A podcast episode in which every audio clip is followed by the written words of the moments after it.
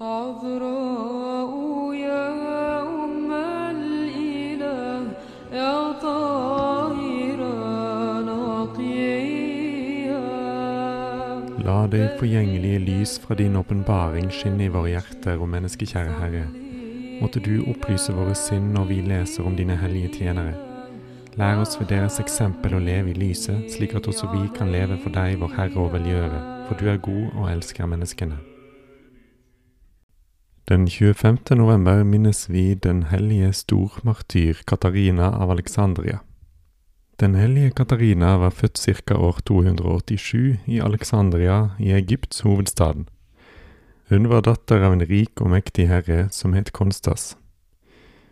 Foruten hennes adelige herkomst hadde Gud smykket henne med en sjelden skjønnhet, som vakte beundring hos alle som kom henne nær, og han hadde også gitt henne en usedvanlig forstand. På den tiden var Alexandria kjent som en hovedby for kunst og vitenskap, og den unge jenten fulgte forelesninger hos de beste mestrene og de mest berømte filosofene der.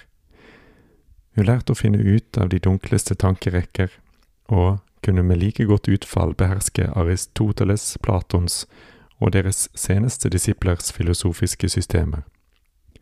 Hun glimret i språkkunsten, kjente de største dikterne, fra Homer til Vergil, og hun kunne konversere om mange emner på et stort antall språk, som hun hadde lært av de vise og reisende. Mange kom for å oppholde seg i denne kosmopolitiske byen. Katarina hadde gjennomgått alle naturvitenskapene også, særlig medisinen, og ikke noe område av den menneskelige visdom kunne unndra seg hennes gjennomtrengende og kunnskapstørstende ånd. Da hun var omtrent 18 år, hadde hun nådd en så sjelden grad i vitenskapen at hun vakte beundring hos de mest prøvede oldingene. Dette ryktet, hennes adelige herkomst, hennes skjønnhet og hennes rikdom, gjorde henne i høy grad tiltrekkende, og mange friere innfant seg for å be om ekteskap. Men Katarina, som innerst inne ante at jomfrueligheten var det ypperste, avslo alle frierier og hadde stilt sine foreldre den betingelse at bare en ung mann som var hennes like i adel, rikdom, skjønnhet og visdom, skulle det sies ja til som ektefelle. Hennes mor var nær ved å fortvile for å finne et slikt parti, så hun sendte den unge jenten av sted for å få råd av en hellig kristen asket som levde litt utenfor byen. Han sa til Katarina at han virkelig kjente en slik mann, og at hans visdom var enda høyere, for den er selve begynnelsen på alle synlige og usynlige vesener. Denne visdommen hadde han ikke ervervet seg, sa han, men besitter den for all tid. Hans adel er likeledes høyere enn alt hva man kan forestille seg, for han eier makten over hele universet og har skapt verden av sin egen kraft. Som hersker over verdener, begynnelse på all visdom og all vitenskap, er han også, sa den eldste til henne, den skjønneste av menneskenes barn. Salme 44. For han er den Gud som er blitt kjød, Faderens sønn og evige ord, som er blitt menneske for vår frelse, og som ønsker å ekte hver jomfrusjel. Asketen tok avskjed ved å gi henne et ikon av Guds moder, som bærer Guds barne i sine armer. Den påfølgende natten så Katarina Guds mor vise seg, men Kristus vendte seg bort og nektet å se på henne, for han sa at hun var stygg og ganske skitten, for hun var ennå underlagt døden og synden. Ganske foruroliget reiste hun igjen ut til asketen, som underviste henne i troens hemmeligheter, og fikk henne gjenfødt til det evige liv i dåpens bad. Da viste Guds mor seg på ny for henne, med Kristus strålende av glede. Se, fra nå av er du strålende skjønn, rik og i sannhet vis, sa Kristus. Nå tar jeg deg til min reneste brud. For å besegle denne hemmelige forlovelsen satte Guds moder en ring på den unge jentens finger og lot henne love at ikke ta noen annen brudgom på jorden. Men det var på denne tiden at keiser Maximian, 305–311, i fortsettelse av Diokletian, ville under tortur og dødsstraff tvinge alle sine undersåtter til å ta del i de avgudsofre, som tegn på underkastelse under hans makt. Da man skred til verket og begynte med slike bespottelige kulthandlinger i Alexandria, innfant Katarina seg for keiseren i tempelet, æret ham som hersker, men fordømte strengt dyrkelsen av skapningene. Keiseren ble først slått av den unge jentens blendende skjønnhet og av hennes dristighet. Så hørte han på henne når hun utviklet sine argumentasjonsrekker, og ble vunnet av hennes visdom. Katarina tilbød seg så å møte keiserrikets mest glimrende retorer i offentlig diskusjon. Herskeren sa ja til det, og sendte bud til alle rikets ender for å samle de vise, filosofer, retorer og dialektikere. 50 av dem kom til Alexandria og framstilte seg for keiseren og den folkemengden som var samlet i amfiteatret. Og overfor dem satt den unge, svake piken alene, men strålende av Den hellige ånds nåde. Hun fryktet dem ikke, for erkeengelen Mikael hadde vist seg for henne og forvisset henne om at Herren ville tale gjennom hennes munn, og gjennom henne beseire verdens visdom ved den visdom som er kommet fra det høye.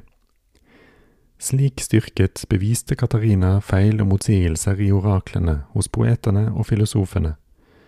Hun viste at de selv hadde erkjent at hedningenes såkalte guder er demoner og uttrykk for menneskelige lidenskaper og tankefeil.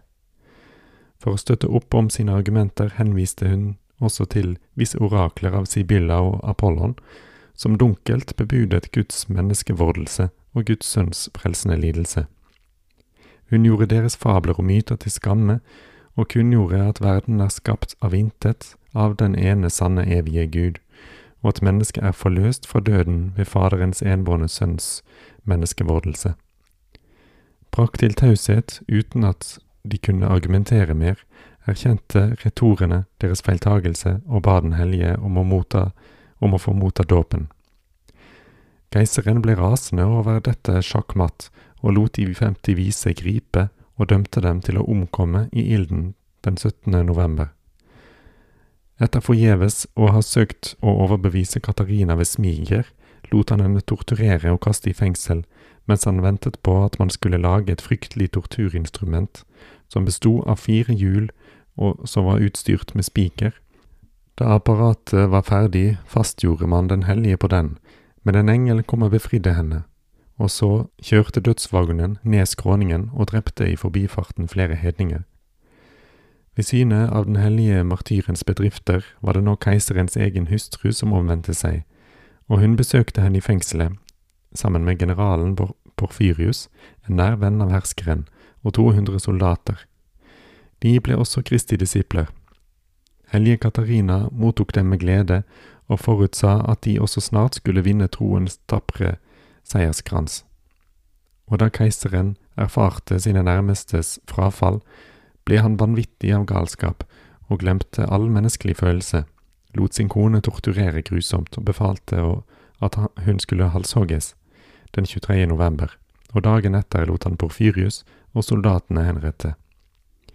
Den 25. november ble Katarina trukket ut av sitt fengsel og viste seg foran domstolen, skjønnere og mer blendende av himmelsk glede enn da hun ble innsatt, for hun så at dagen for hennes forening med Kristus var kommet. Man førte henne utenfor byen, og etter en siste takkebønn til Herren, som hadde åpenbaret henne den sanne visdoms uuttømmelige skatter, var det Den helliges tur til å få hodet hogget av. Da innfant det seg to engler og flyttet hennes lik fra Alexandria til Sinai-fjellet. Der ble det oppdaget i det åttende århundre av en asket som bodde ikke så langt derifra, og de dyrebare relikviene ble da overført til det klosteret som var grunnlagt i det sjette århundret av keiser Justinian. Klosteret fikk senere navnet Hellige Katarina-klosteret. Det befinner seg ennå der i våre dager, og relikviene utbryder en himmelsk duft og har utvirket talløse under.